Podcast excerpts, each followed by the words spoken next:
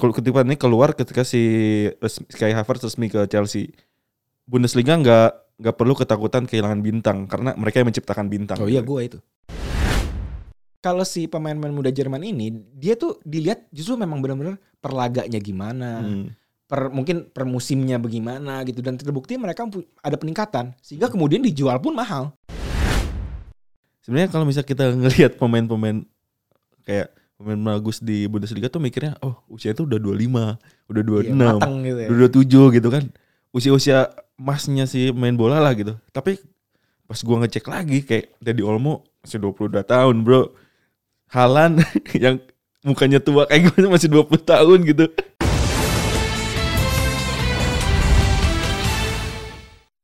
Kembali lagi di Super Soccer Podcast. Bertemu dengan gue lagi Rifki Randa dan juga Evan Simon. apa kabar Van? Baik, masih baik. Masih baik ya. Eh kita udah masuk episode 29 akhir pekan yang gue nantikan juga karena yang kita tahu Bundesliga akan dimulai di akhir pekan ini. Betul. Jadi habis Premier League udah dimulai, sekarang gilirannya Bundesliga. Terus kali. Tapi lucu ya, jadi Bundesliga berhenti dulu kan. Mainnya belakangan malah musim barunya kan. Ini nih yang sering diprotes sama klub-klub Premier League nih. Tapi kan si ini jadi tantangan tersendiri juga sih buat si Munchen ya. Karena kan baru beres. Ya Liga, Liga Champion. Ya sebenarnya gue juga tadi mikir kayak gitu kayak lu jadi Chelsea atau MU gitu nggak malu apa manja? Mereka manja dong. Oh iya karena karena Karena li, apa eh, ininya ditambahin seminggu kan gitu jadi baru main. Nah, tapi kan mikir juga eh eh, si Bundesliga ini memang udah kelar duluan gitu. Jadi mungkin dia nggak masalah gitu kalau langsung mulai. Hmm. Bagi si Munchen ini bakal main di laga pembuka, Van. Di pekan Hmm. pertama itu lawan Schalke. Jadi Schalke. jadi Sabtu Sabtu de- Sabtu dini hari tanggal 19 September jam setengah dua. Jadi catat nih jadwalnya. Itu Munchen akan berada dengan Schalke dalam laga pembukaan salah satu pertandingan seru nih. langsung Bayern gitu ya. Langsung Bayern. Nih yang hebat nih gue kasih gitu. Juara bertahan langsung main duluan deh Iya, gitu kan. Juara bertahan kasih duluan deh. Ini tapi yang mungkin yang rame kita bah yang bukan rame sih, maksudnya yang menarik kita bahas bahwa yang kita tahu lah Munchen kan superiornya di Bundesliga tuh kayak gimana. Jelas, jelas. Delapan Kayak lu nggak mungkin gitu nggak ngo- ngomongin Bundesliga, nggak ngomongin Bayern gitu. ya, apalagi kan musim kemarin tuh jadi gelar ke-8 mereka yang berturut-turut kan sejak musim 2012 2013. Tapi kan yang hebatnya juga bukan cuman gelar Bundesliganya, tapi keberhasilan mereka ngeraih treble-nya itu loh. Betul sekali. Wah itu pencapaian yang luar biasa gitu. Ya, makanya jadi yang menarik kita bahas tuh ya mampu nggak nih? Ya minimal lah minimal nih.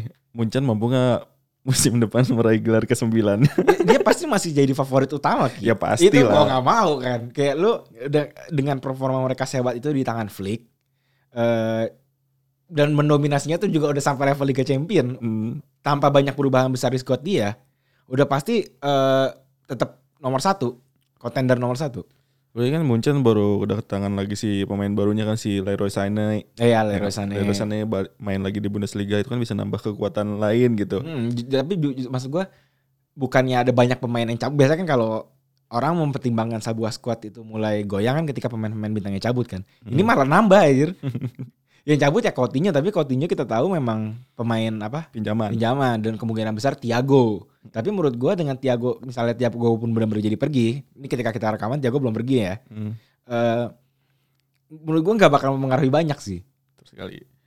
Terus yang sempat gua bilang kan di beberapa episode eh, se- kemarin tuh waktu yang sebelum eh, final Liga Champions tuh Van, yang gue bilang ini kan musim depan sebenarnya yang bikin gua tertarik tuh melihat si Hans Flick ini. Flick, nah. Apakah dia bisa bertahan membawa ke- kejayaan si Munchen musim lalu gitu kan? Itu yang gua gua tunggu juga sih. Menurut gue masih sangat mungkin sih, karena semangatnya itu baru ki. Kayak kalau misalnya lu eh, udah lama sama satu pelatih gitu, terus lu berhasil itu di puncak juara kayak gini nih, pasti kan ada ada titik jenuh, ada kebosanan Hmm, gitu. Ya memang Bayern udah 9 kali juara berturut-turut. Eh 8. 9 gue kayak udah huluin nasib nih. Sorry, 8 kali juara berturut-turut. Tapi eh ini kan ada ada semangat yang baru yang mulai baru mulai tumbuh ketika Flick masuk pertengahan musim. Hmm, Jadi kita nggak bisa ngelihat kayak sembilan apa lapa, eh, tujuh setengah tahun sebelumnya. Hmm. Menurut gue justru kita harus ngeliatnya tuh setengah musim terakhirnya ini. Dan itu menurut gue bakal terus berlanjut dan Flick itu pasti bisa eh, mempertahankannya lah minimal semusim ke depan. Hmm. Jadi si Flick ini ingin membuktikan diri bahwa Betul. ya gue nggak ho- bukan hoki loh. Bukan hoki. dapetin treble tuh ngegantiin si Niko Kovac. Jadi pelatih utama tuh bahwa Munchen juara tuh bukan hoki, ini bener-bener ya ini kinerja gua gitu. Ini eh, apa kekuatan Bayern tuh bersama gua ya nggak bisa diremehkan Hmm, gitu betul. kan. Terus apalagi Gue gue bakal sangat terkejut sih kalau misalnya tiba-tiba Bayern jeblok gitu. Itu bakal menurut gue bukan gue doang, pasti semua orang terkejut sih. ya mungkin jeblok-jebloknya juga nggak sampai papan bawah banget. mungkin. Ya jebloknya menurut gua gagal juara udah itu Dia aja. dia gagal juara pun menurut gue itu udah kegagalan besar. Ya, kesempatan kecil. Dia, dia baru treble, baru juara treble soalnya. Semua orang berharap kalau lu baru juara treble minimal bisa satu musim lagi lah bertahan kekuatan lu. Balik lagi yang tadi kita bilang eh, gak banyak perubahan dalam skuadnya kecuali nambah pemain baru yang justru harusnya menambah kekuatan mereka gitu. Hmm. Ini kan si gelar juara gelar juara ya mereka mengincar gelar juara ke-9 lah. Sembilan betul. itu kan kalau misalnya dari rekor mungkin Munchen bersama Hans Flick ini pengen ngejar mungkin bisa ngejar liga apa juara Bundesliga terbanyak Ivan Iya kalau sekarang pun mereka kalau di era Bundesliga udah yang terbanyak kan. Cuman kalau misalnya di sepak bola Jerman Mm. gitu jadi eh, yang terbanyak itu sebenarnya BFC Dynamo. oh itu dari Dulu apa? di Liga Jerman Timur. oh iya Liga Jerman Timur Uh, dia 10 kali juara berturut-turut 9 apa 79 sampai 88. Itu salah satu uh, streak terpanjang yang diakui oleh UEFA dan FIFA berarti kan. ya mungkin ya bisa lah dua musim lagi Dua musim lagi. Sama Flick terus Flicknya cabut gitu ya. iya ah, udah lah gue udah Biasa dapet kan gitu biasa kan. itu ya sih tapi yang tadi apa ya kita kayak bilang juga si ada pemain bintang baru si Leroy Sané tapi kita nggak bisa ngelewatin bintang-bintang Oh iya. dong. besar. Sebelumnya kan masih ada Ah, Lewandowski, benar, masih benar. ada Kayak kalau lu lihat uh, skuadnya Bayern tuh kayak ya ini udah berkali-kali gue bilang gitu komplit ya, pemain uh, tim utamanya bagus, Ya. cadangannya juga pelatih pes juga oke gitu kan. terus Jadi, pemain seniornya juga memang yang kelas masih mampu mempertahankan level dia di kelas dunia kayak lu Neuer, uh, Boateng gitu. Itu kan sebenarnya umur-umur yang kalau lu bukan benar-benar pemain uh, profesional yang mas- maksud gue profesional dalam kehidupan sehari-hari ya, lu Hmm. jaga jaga nutrisi, jaga gaya hidup lu segala macam itu udah pasti mulai menurun biasanya usia-usianya. Hmm. Tapi mereka masih mampu bertahan di level yang benar-benar elit. betul sekali. Dan menurut gue ini eh, sangat membantu pemain-pemain mudanya mereka yang kebetulan juga berbakat dan kelewatan Jago. ya untuk tambah berkembang gitu. Kan si Neuer kan baru memper, apa memperpanjang kontraknya Kontraknya. bersama Munchen, terus ada juga Muller juga kan. Jadi ya masih aman lah Munchen nih musim depan. Ya, gua. realistis bukan realistis. Apalagi Kayak- si Muller kan musim lalu kan top top assist paling banyak dia tuh. Iya, maksud gue wajar gitu kalau kita berpikir ini bakal masih muncen dan keberhasilan mereka meraih treble kemarin membuat gua tuh jadi berpikir bahwa ini tidak membosankan gitu melihat dominasi mereka. Hmm. Paham kan? Iya. Mereka tuh memang sehebat itu untuk apa semenarik itu untuk dilihat, kemampuan mereka sehebat itu sehingga lu sebagai pecinta sepak bola nonton mereka pun terhibur. Ya, meskipun ya dominasinya di Jerman tuh bener-bener Iya, bukan bu- bukan lagi soal yang misal sama ini kita ngomongin kalau ada satu tim mendominasi itu berarti persaingannya tidak apa tidak seru nggak gitu segala macam. Tapi kan ini kita ngeliat ya terus lu mau nantang Bayern anjir dia udah juara Liga Champion, Bro. ya masa MU mau pindah ke Jerman, kalau pindah, Bundesliga. kalau pindah ke Jerman kayak lolos Liga Champion juga kagak. Eh, yang selain itu kan Lewandowski juga Ah, eh, itu. gila gila, gila juga Ibaratnya ini sekarang dia punya kalau ada Ballon d'Or, udah pasti Lewandowski yang dapet. Iyalah, gue juga setuju lah kalau Berarti kan sekarang nih Bayern punya pemain terbaik dunia. Iya, betul. Lu masa nggak mau nonton tim terbaik dunia dengan pemain terbaik dunia? Hmm. ini udah spektakel yang menurut gua apa ya? eh, kapan terakhir kali kita ngeliat kayak gini? Ya, ya Madrid sih mungkin, tapi Madrid pun tidak mendominasi sampai treble. Iya, Iya cuman kan? mendominasi Maksudnya ketika dia juara Liga Champion, eh, Ronaldo dapat Ballon d'Or gitu. Hmm. Tapi kan nggak sampai raih treble, Bro. Hmm. Cuman si champion juga kan tiga, tiga musim berturut-turut musim ada musim keduanya dapat La Liga. Hmm. Iya, betul. Tapi udah toh itu doang. Tapi ya Munchen Makanya sampai level seperti Bayern ini tuh kapan terakhir? Mungkin pas eh Barca ngeraih treble kali. Yang Messi, Messi Neymar. sama Suarez ya. Zamannya eh Tapi kalau nggak salah habis itu pun Safi cabut. Kalau nggak salah ya lupa gue apa tahun berikutnya cabut. cabut-cabut. Si Langsung Safi cabut cabut, kan. terus Neymar cabut. Kan Heeh. Neymar cabut Eh, kan. Neymar berikutnya dulu baru cabut kan dia sempat temporada dulu Neymar. Oh iya betul betul betul. betul. Iya iya. iya. Safi yang seingat gue langsung cabut. Jadi maksud gue ketika itu kekuatan Barca pun udah lumayan berkurang. Hmm. Kalau Bayern kan enggak. Jarang, sangat sangat jarang kasus seperti Bayern ini. Musim lalu tuh Lewandowski 50 berapa? 55 gol di seluruh kompetisi. Seluruh kompetisi ya. Iya. Gila itu. Itu makanya gue bilang kan kalau gara-gara Ronaldo sama Messi 55 gol Le- Lewandowski ini kayak ah ya udahlah 50 gol gitu. Mm. Gila 50 gol spesial banget, Bro. Ya udahlah gue bikin trofi sendiri lah. Gue kirim aja lah ke sana lah. Gue Bu- Balon ya lah. gue kasih aja balon diornya buat si Lewandowski. Ya kalau kalau orang lain gak setuju ya menurut gue ya nggak terlalu menikmati Kasian lo dia. kasian gitu. Dia sampai bilang kan sendiri, gue tuh pantas gitu dapat Ballon d'Or. Iyalah. Gila. Treble, cetak gol terbanyak. Masa iya itu kita nggak bisa nobatkan dia sebagai pemain terbaik dunia gitu kan. Itulah tadi bayar cukup lah ya Van ya. Karena ya emang kita nggak bisa melewatkan kalau ngebahas Bundesliga tuh ya Sudah. yang paling pertama harus kita bahas Bayern sudah, Munchen sudah pantas dan sewajarnya. sewajarnya. Betul sekali. Tapi yang menarik kita bahas lagi tuh tentu siapa nih yang bisa nantangin si Munchen buat regular juara gitu. Yang kita tahu kan beberapa pemain bintang pada cabut nih tim-tim lain. Iya, cabut sih memang. Tapi maksud gue, eh, Bundesliga secara overall kan memang masih eh, liga yang sebenarnya menarik gitu ki. Sebenarnya banyak kejutan sebenarnya ya. Ya Secara- setiap musim pasti selalu ada kejutan. Sekarang gini, kita kita, kita ngeliat musim lalu, Bayern itu kan sebenarnya pe- pertengahan musim tidak ada yang menjagokan dia menjadi juara. Busuk banget soalnya. Iya kan? Hmm. Terus tiba-tiba dia bisa ngejar Hmm. dan akhirnya jumlah poinnya jauh belasan poin gitu sama Dortmund yang di peringkat dua.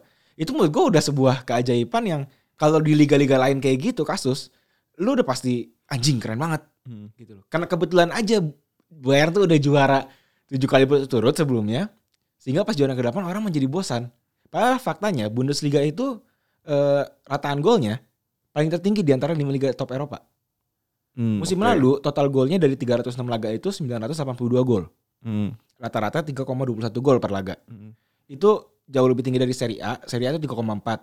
Hmm. Eh 3,04. Premier League 2,72, La Liga 2,48 dan Ligue 1 2,52. Hmm. Tapi Ligue 1 memang berhenti tengah jalan ya. Hmm. Mungkin kalau misalnya dilanjutin bisa Bisa melebihi kayak. iya 10 10 kosong 9 kosong kan PSG kita nggak tahu. nah ini nih Ki, bukan cuma musim lalu. Hmm. Ini udah musim ketiganya si, rataan Bundesliga. gol Bundesliga tuh tertinggi di antara lima liga top Eropa. Iya betul sekali. Jadi mungkin memang kadang-kadang kita aja sih yang sering eh, apa menyepelekan hal-hal kecil tau gak lu? Ya karena cuma melihat Munchennya aja. Iya. Tidak melihat kayak pertandingan-pertandingan lain. Kalau Ya oke paling se se se apa sengehe bukan sengehe se seniat niatnya kita Hmm. gitu. Paling cuma ngeliatnya oh lihat Leipzig bisa nih kayak seru bersaing baru nih. Hmm. Terus Dortmund juga penantang baru tapi udah cuma sebatas itu doang. Padahal sebenarnya ya La Liga lebih daripada itu. Eh Bundesliga. La Bundesliga iya. Bundesliga. La Liga. Musim kemarin juga kan Kita nggak dibayar sama La Liga.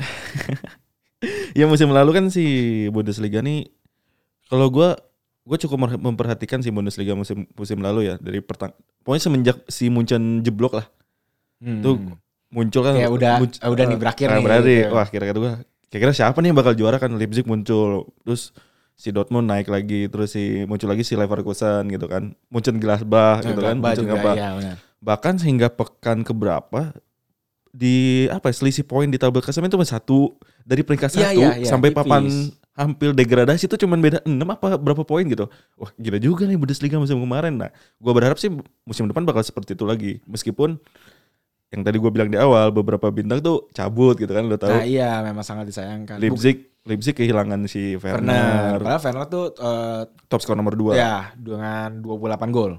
Terus ada lagi si Kai Havertz, pindah ke. Chelsea. Nah. salah satu pemain favorit gue sih di Bundesliga musim kemarin gue beberapa kali ngeliat dia main terus Sancho juga Kemungkin, terus belum kemungkinan tahu ya, belum belum tahu tahu. gitu bakal cabut lagi Iya. nah yang gue pertanyakan ya meski bakal diting eh, set- setelah ditinggal banyak bintangnya nah Bundesliga musim depan kayak gimana sih gitu kan tapi gue sih tidak meragukan Bundesliga bakal kehilangan bintangnya gue baca kutipan siapa kalau nggak salah Maksudnya tidak akan seru lagi apa kehilangan keseruan. keseruan gitu. Meski ditinggal bintangnya Iya. gue gue baca kutipan siapa gitu gue lupa kemarin kutipan gua bahwa kali. apa Kutipan gua kali. lu kutipan apa coba Gak tahu. Gue gue pengen ngomong ini aja pengen pengen jadi hak milik gitu kutipannya biar gue kelihatan keren. gue tuh eh, siapa gitu Eh, kalau kutipan ini keluar ketika si resmi, Sky Havertz resmi ke Chelsea Bundesliga nggak nggak perlu ketakutan kehilangan bintang karena mereka yang menciptakan bintang Oh iya gue itu.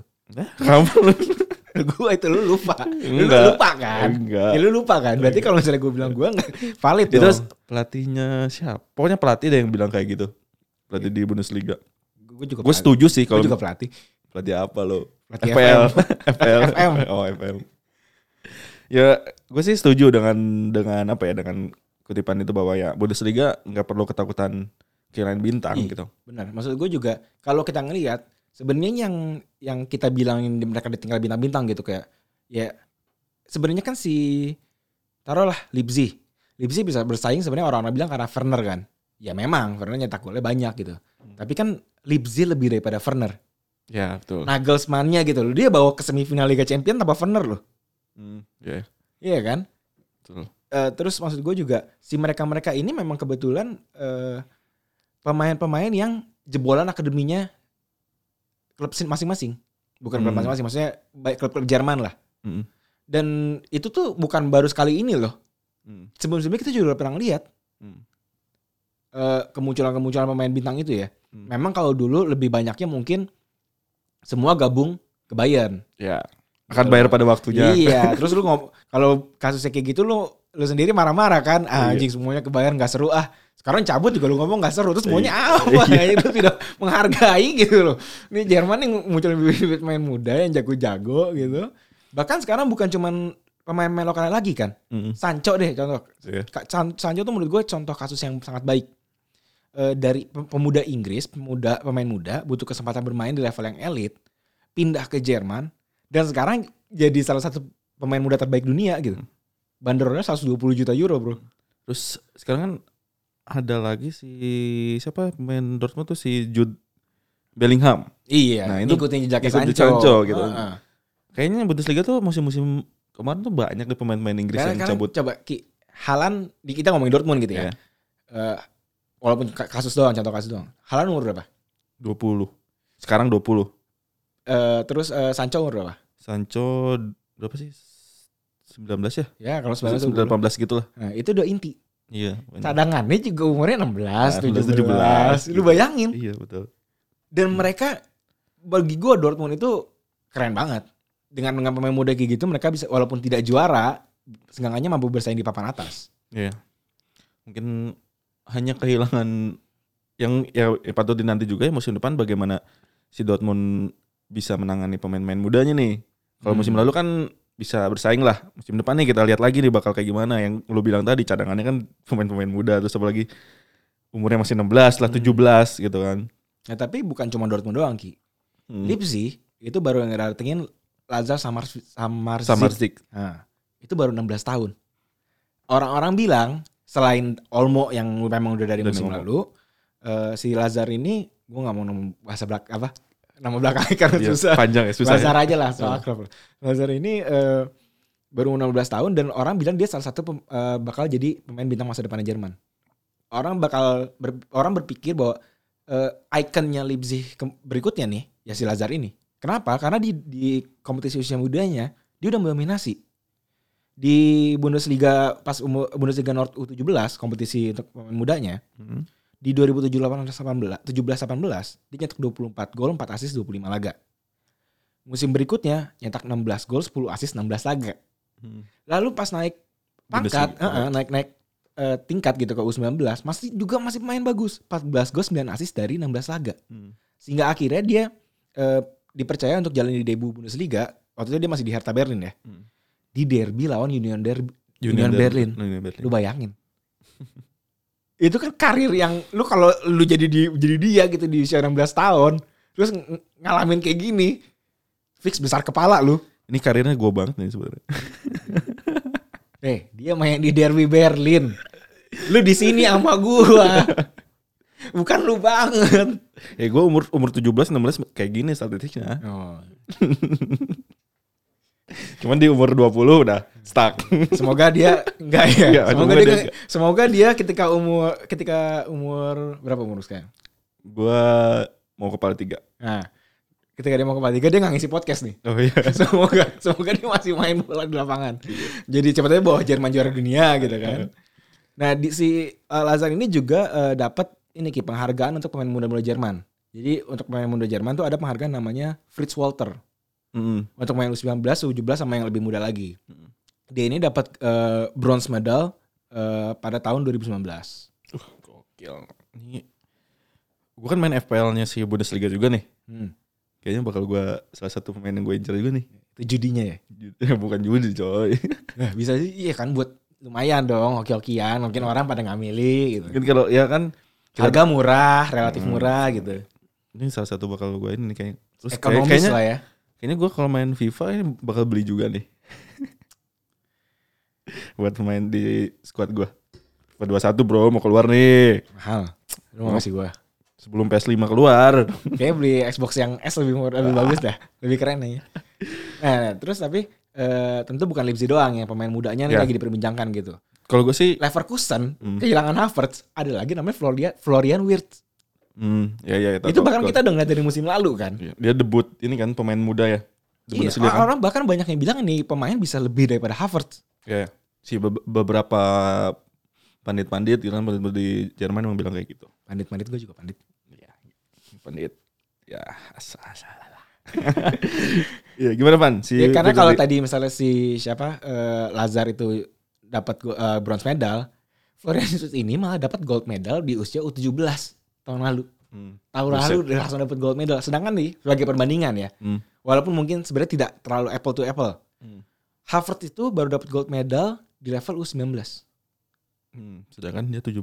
17. Walaupun memang balik lagi tidak apple to apple, tapi sekarang ini mu- mungkin bisa jadi gambaran bahwa Wirtz ini nih punya potensi yang menurut orang-orang lebih besar daripada Havertz. Hmm, oke. Kenapa? Karena eh, kita tahu sendiri dia menjadi debutan termudanya Leverkusen musim lalu. Hmm. Nyalahin Havertz. Di saat yang bersamaan juga menjadi pencetak gol ter- termuda sepanjang Termuda. sejarah Bundesliga. Lawannya Bayern. Ketika itu. Kalah memang Leverkusen. Hmm. Tapi dia nyetak gol. Ya ya betul. Di usia 17 tahun 34 hari. Jadi menurut gua eh, apakah eh, si Wirtz ini patut untuk disa- diikuti gitu perjalanan? Ya sangat patut. Apalagi emang si Leverkusen tuh baru ngedatengin penyerangnya siapa ya? Oh, Leipzig. Iya, penyerang Leipzig, kan, ya. Schick. yang sebenarnya dia dari Roma kan dia AS Roma ya baru datangin penyerang itu nah emang butuh satu lagi pemain buat ngedopang. Dia dan menurut gue si siapa? Wins Wirtz ya? Wirtz ini bisa jadi solusi tepat sih buat si eh, siapa pelatihnya? Aduh gue lupa. Ya adalah itu pelatihnya sih itu. bisa lah jadi bintang baru nih di Bundesliga. Dan bahkan nih Ki, bukan tim-tim kayak gini doang, bukan saya bukan tim-tim kayak gini. Tim-tim yang anjir yang, lu. yang tanda kutip kecil lah, tanda kutip nih daripada pada marah kan. Eh Bayern pun pemain mudanya yang yang di luar ini yang di- kita tahu starting apa banyak pemain muda gitu kayak Iya. Davies gitu kan ajaib tuh. Tapi terus di bawahnya lagi ada lagi Joshua Zirkzee. oh ya tahu-tahu gue oke Gila. Itu tuh kayak eh, dia baru umur 19 tahun Ki. Hmm. Tapi udah diproyeksiin jadi penggantinya Lewandowski. Dan Lewandowski. orang-orang percaya dia mampu. dia udah main kan di Bundesliga. Eh. Udah debut. Aduh gila ya. bayangin hampir semua tim tuh punya gitu pemain muda yang eh, pa- he- eh, berbakat gitu. Hmm. Punya potensi dan dipercaya untuk main di level atasnya di kompetisi elitnya. Dia usia-usia 17, usia 18 tuh udah bener-bener jadi tim utama Iya, gitu. dan- dan sat- utama gitu. Satu hal yang gue perhatiin dan sangat menarik sebenarnya adalah eh, publik di Bundesliga itu tidak apa ya, tidak lebay. Mm. Gak beda sama Inggris kan? Iya. Inggris tuh ada pemain muda dikit lebay gitu. Pemain muda jago dikit. Langsung oh anjing nih keren nih bintang kayak Greenwood. Coy, dia baru main setengah musim. Udah banyak tingkah. Ya memang hebat gitu. Memang hebat. Foden juga memang hebat. Tapi tuh orang tuh langsung anggap wah ini anjing ini bakal bawa Inggris juara dunia nih, men. Nyimpi anjing, sabar weh. Masih lama. Seorang Gerard, Lampard kayak gitu aja susah buat bawa Iya, Inggris. sedangkan juara. sedangkan kalau si pemain-pemain muda Jerman ini dia tuh dilihat justru memang benar-benar perlaganya gimana. Hmm. per mungkin per musimnya bagaimana gitu dan terbukti mereka ada peningkatan sehingga kemudian dijual pun mahal Iya. Kayak kayak Havertz kan gila juga tuh jualnya kan. dan si J klub Jerman ini tuh tidak malu gitu dengan taruhlah kalau si arogansinya si klub-klub Inggris gitu atau mungkin Madrid, Barca, eh, Paris gitu, klub-klub yang punya duit, Juventus, mereka kan selalu ber- eh, beranggapan bahwa Liga Jerman apaan sih? Hmm. Ini mungkin supporter-supporter Indonesia doang ya, gue nggak tahu ini kalau yang lokal di sana ya, gue nggak bisa ngomong untuk mereka. Mereka tuh ngeliat mereka Bundesliga tuh kayak anjir, eh, lu mah cuman apa ya? Liga petani, Juga farmer. bukan far- bukan farmer Farmer dalam kasus PSG. Ini lebih ke cuman nanam bibit gitu, bibitnya bagus dijual ya. gitu doang gitu loh. Yang gua- Tapi Bundesliga tuh nggak malu. Hmm. Mereka justru dengan bangga gitu. Lihat nih liga gua. Di sini Hmm. pemain muda pemain muda dapat kesempatan, pemain muda berkembang, udah jadi. gua dapat duit banyak. Iya. Nggak malu. Hmm. Tuh ujung-ujungnya juga ada aja klub perwakilan mereka yang berprestasi di kancah di iya di kancah Eropa. Yang gue bilang tadi, Bundesliga tuh nggak akan nggak usah takut kehilangan bintang, gue nyiptain bintang bro, gitu kan. Kayak kayak Ajax tuh kan nyiptain Eh, bintang ya. kan. Tapi Ajax kan secara eh, koefisien liga memang masih di Ya, bawah. masih di bawah. Heeh. Terus sekali tadi si siapa pemain itu ya dari Leverkusen tuh si Witz ya. Tapi Dortmund belum selesai Van, masih banyak pemain-pemain mudanya bro. Nah ini maksud gue kalau tadi kan cuma satu, kalau Dortmund tuh kayaknya kalau kita sebutin satu Uh, itu satu satu squad itu satu squad Iya. itu di pemain muda semua. Musim lalu kita udah lihat Gio Reyna ya, dari Amerika lagi, the, the new Captain America ini penerusnya Pulisic kan. iya. Orang-orang bilang mungkin kayak Steve Rogers ngasih ke Sam Wilson atau Bucky gitu. Terus tadi gue bilang ada Jude Bellingham, itu usianya 17 Ya. tahun. Ini ini yang gue bilang tadi lebay aja. Kenapa? Dipensiunin nomornya Oh iya sama si siapa? Birmingham. Birmingham. ya mungkin nggak lebay juga kan Birmingham kita tahu bukan klub yang gede-gede banget ya di Hmm. Inggris gitu. Jadi bagi mereka ini sebuah sudah sebuah pencapaian yang eh, baik membuktikan bahwa akademi mereka juga berkembang gitu loh. ya. Terus masih ada Karena karena gini se- sebelum sorry gue Eh, potong ya sebelum ini akademi itu sudah menjadi bisnis di Inggris sekarang. Hmm. Eh, kalau hal ini udah dilihat sama si Jerman dari berapa tahun lalu, Inggris sih baru belakangan mulai ngelihat, baru-baru mulai ini ya. baru mulai ngeh gitu bahwa oh, ini nih sebenarnya pemain-pemain muda ini bisa dibisnisin. Hmm. bisnisnya mungkin tanda kutip ya bukannya eh, dilihat sebagai objek doang memang mereka pemain aset gitu kan Hmm. itu kan hal yang tidak bisa kita lepaskan dari sepak bola modern zaman sekarang cuman mereka tuh lebih ke eh, scoutingnya tuh diperbagus sistemnya Hmm. sistem kepelatihannya fasilitasnya ditingkatkan gitu sehingga pemain-pemain kayak Jude Bellingham ini walaupun dia Walaupun- walaupun champion- cabut. championship bro Ya wal Championship dan walaupun cabut kan. Heeh, dan diperbutkan oleh langsung klub-klub eh, elit Eropa Hmm. harga jualnya lumayan tinggi untuk klub divisi championship mah bisa bertahan untuk semusim kali itu Iya. gaji satu satu musim Hmm. nah, mungkin gue nggak tahu sih detailnya real realnya berapa gitu tapi menurut gue mereka mereka ini akhirnya saling berlomba klub-klub ini Hmm. Iya Iya kan? dong masuk aja nih ke klub gue nih gue gue bina ntar ada fasilitasnya ini itu ini ini itu nah nanti kalau udah eh, udah usia matang bagus-bagus kalau bisa klub gue bawa klub gue berprestasi kemudian baru gue jual Hmm. gitu. Iya kan karena yang yang belum kita lihat sebenarnya di eh, Premier League ya di Liga Inggris yang ngebedain dengan Bundesliga tuh ya ini mereka belum bisa mema- ma- memang- apa, mema- memaksimalkan pemain-pemain mudanya untuk top perform langsung di tim utama. Jadi hanya mungkin hanya satu atau dua Hmm, lah gitu kan. Dan kebanyakan hanya mengisi baru cadangan aja Sebenarnya gitu. kita paling mudah nggak Chelsea aja itu. Ya. Berapa kali pemain mudanya dilepas sama dia Hmm. karena tidak mampu bersaing di tim utama ketika itu. Hmm. Tapi kemudian ketika mendapat kesempatan, mendapat pengalaman, akhirnya udah De Bruyne anjir. Hmm. Akhirnya kan cabut kan. Dan dibentuknya juga di Bundesliga di Werder Bremen. Iya. Eh, enggak? Bremen. eh Wolfsburg. Wolfsburg di Wolfsburg kan. Jadi ya yang nge- ngebedakan Bundesliga dan Premier League menurut gue sih itu Jadi kita nggak perlu nonton Premier League lagi. ya tetap harus nonton. Tapi Liga, kalau misalnya liga arogan. Liga kan. Gue maunya nonton liga yang rendah hati, bersahabat seperti Bundesliga. Iya maksudnya yang yang gue bilang bahwa ya yang beda, yang membedakan Bundesliga dengan Liga Premier Inggris tuh ya ini loh bahwa Bundesliga tuh nggak malu yang kata lu bilang untuk memberikan tempat tim di, tim Hmm. utama untuk pemain-pemain muda entah itu dari akademi di tim-tim eh, Jerman itu sendiri atau dari luar Jerman gitu kan. Eh, bahkan itu eh, yang baru dipimpin Taechong. Ya Taechong MU aja minjeminnya ke Werder Bremen. ke Bremen karena dia percaya bahwa ini pemain mampu berkembang nih kalau dikasih kesempatan gitu. Siapa jadi jadi KDB. Wih, amin, gue amin.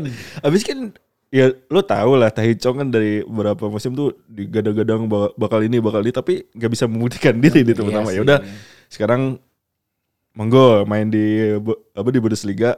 Ya mudah-mudahan dibentuk lah gitu kan. Baik lagi ke ini baik lagi ke Dortmund fan tadi si Haaland masih 20 tahun gitu kan. Terus ada lagi yang apa yang lagi rame diincar si ini si Rainier Jesus siapa Aduh, ada tuh pemain, pemain si Rainier di, diincar MU juga kalau nggak salah. Usianya 18 tahun. Itu salah satu pemain yang patut juga dinanti dari Dortmund tuh. Ya, ini ya, kalau Dortmund ada satu nama yang benar-benar menurut gue eh, mencuri perhatian kayak buat gue ya. Tuh? Yos Yusufa Mukoko. Oh baru iya iya. 15 tahun. Ya itu. Baru 15 tahun Ki. 15 tahun. 15 tahun berarti berapa ya SMP? Dia dia, SMP? dia dia mulai main tuh umur 12. Itu untuk level U17. Lu bayangin. Hmm. Kayak Aji lu lu Anak SD main. Iya, anak SD lah, anak SMP, SMA. Saya buat itu gitu dan total udah nyetak 100 gol di level usia 7, U17 dan U19. Musim Hmm. lalu di level U19 dia udah nyetak 34 gol. Hmm. Sakit gue bilang. Sakit bukan dalam artian sakit apa negatif gitu ya. Ah. Terlalu hebat gitu. Gue gua nggak bakal kaget kalau misalnya di musim depan dia udah dikasih debut. Ya ber, dua tiga pertandingan bisa lah. Boleh lah. Boleh kalau nggak akhir-akhir musim ya. Jadi tiba langsung melesat kan gitu kan. Langsung udah kontrak jangka panjang gitu ya. Dikasih klausul 200 juta euro. Set 100 gol dari usia 12 tahun. Gila. 12 tahun 17 sama Ya gua Main 19 sebenarnya gue 100 salutnya itu gitu loh. Ya kalau sebenarnya mungkin banyak lah pemain-pemain yang umur U12 tuh udah nyetak gol sekali pertandingan 5 gol, 6 gol gitu. Hmm. Ini lawannya 5 tahun di atas dia. 4 tahun, 5 tahun di atas dia. Kita tahu kalau di usia remaja Hmm. perbedaan umur tuh sangat ketara kan. iyalah pasti. Lu beda 2 tahun aja fisik lu bisa tiba-tiba jauh Hmm. tinggi gitu loh. Karena memang masih masa pertumbuhan. Dan dia nih berhasil ngelewatin itu semua. Tentu patut di, di apa dinantikan dong. Gimana ketika dia sudah bermain di level senior. Iya iya iya. Aduh, gila nih. Halan, Halan bilang Mukoko ini lebih hebat daripada dia. Hmm. Halan yang masih ya, itu masih main masih muda banget tuh Halan dan kita tahu dia masih muda terus kita aja ngeliat dia udah salah satu striker terbaik di, Eropa kan di Iya. dunia gitu. Terus sekarang dia ngomong lagi nih Mukoko lebih hebat daripada gua. Buset. Gila nih. Dortmund, Bro. Dortmund kalau misalnya bisa juara salut sih, ajaib. Ini bakal lebih hebat daripada eranya Klopp. Oh iya betul. Apalagi kan si Marco Reus udah sembuh nih. Hmm, atau nanti juga cedera lagi. Iya, maksudnya ya mungkin Marco Reus bisa jadi sosok eh, kayak pemain-pemain tu- pemain tua di Munchen. Senior. Senior senior. Ya kan ada Hammers juga. Ada Hammers juga ya.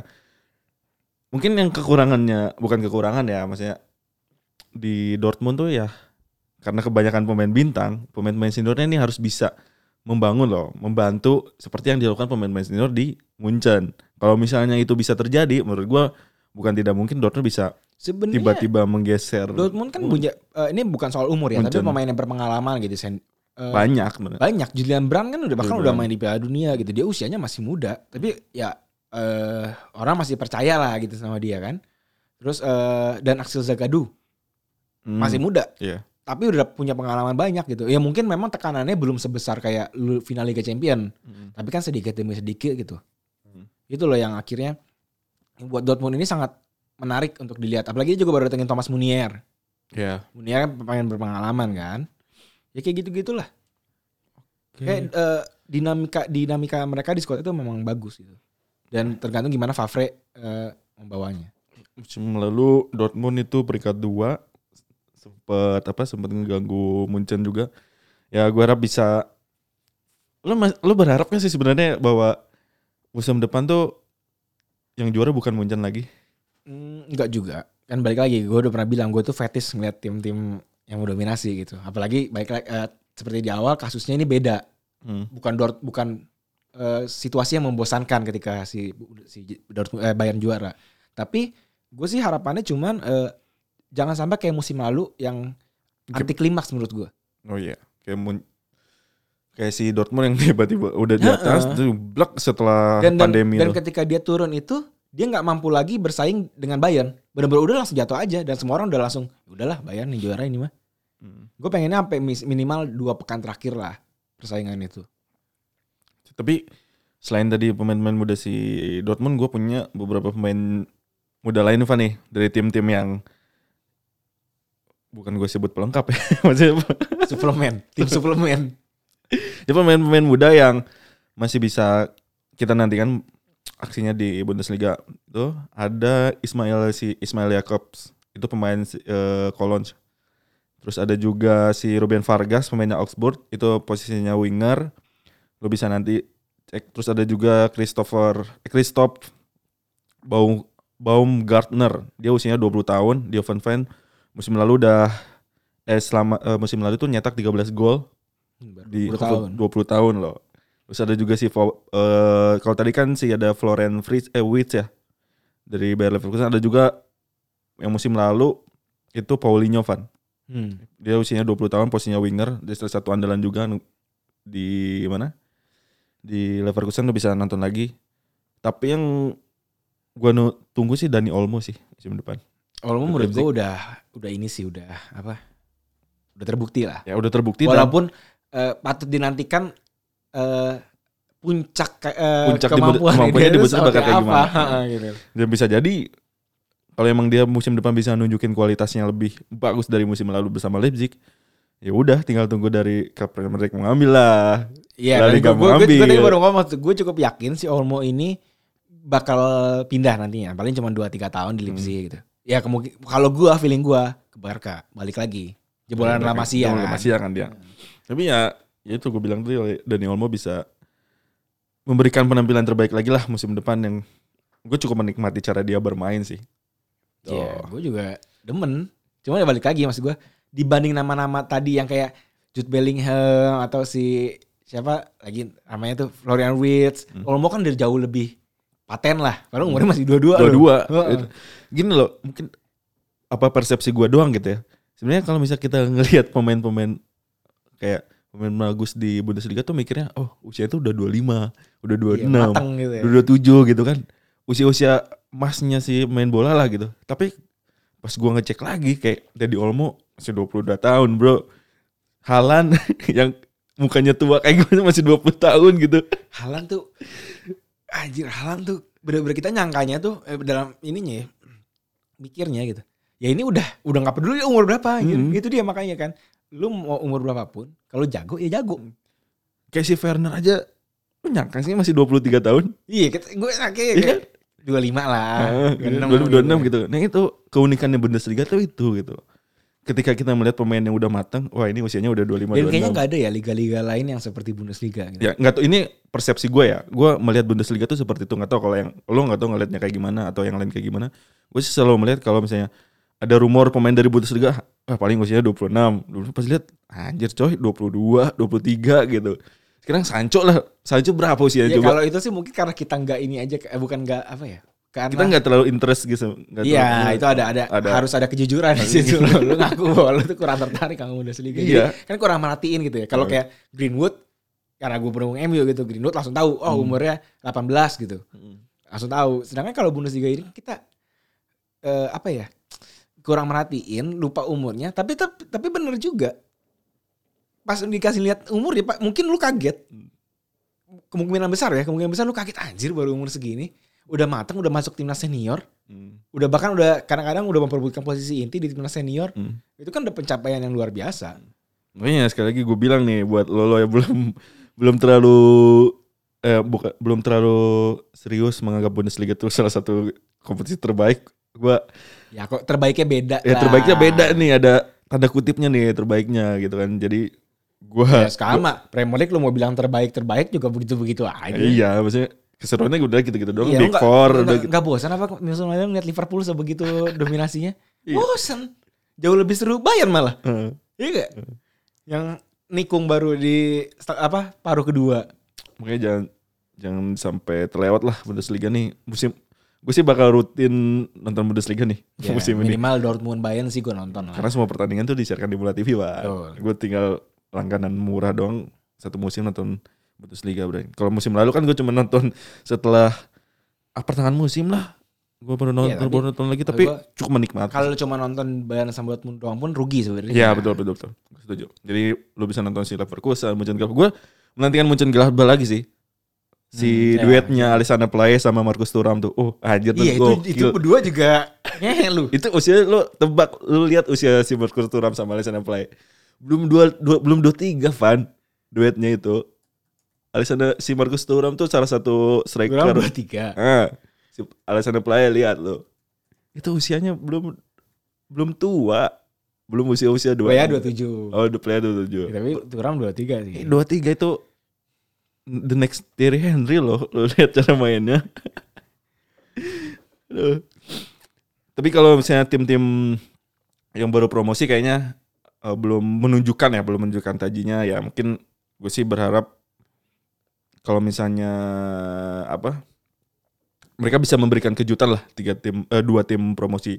Dan gue berharap sih Werder Bremen Van yang musim lalu Eh, harus playoff. Uh, harus playoff yang kita tahu kan Werder Bremen salah satu tim yang punya uh, uh, nama besar juga kan di Bundesliga pemain-pemainnya lo Oh jangan lupa juga Stuttgart baru promosi. oh ya Stuttgart baru promosi kan Eh, ada salah si Mario Gomez ya.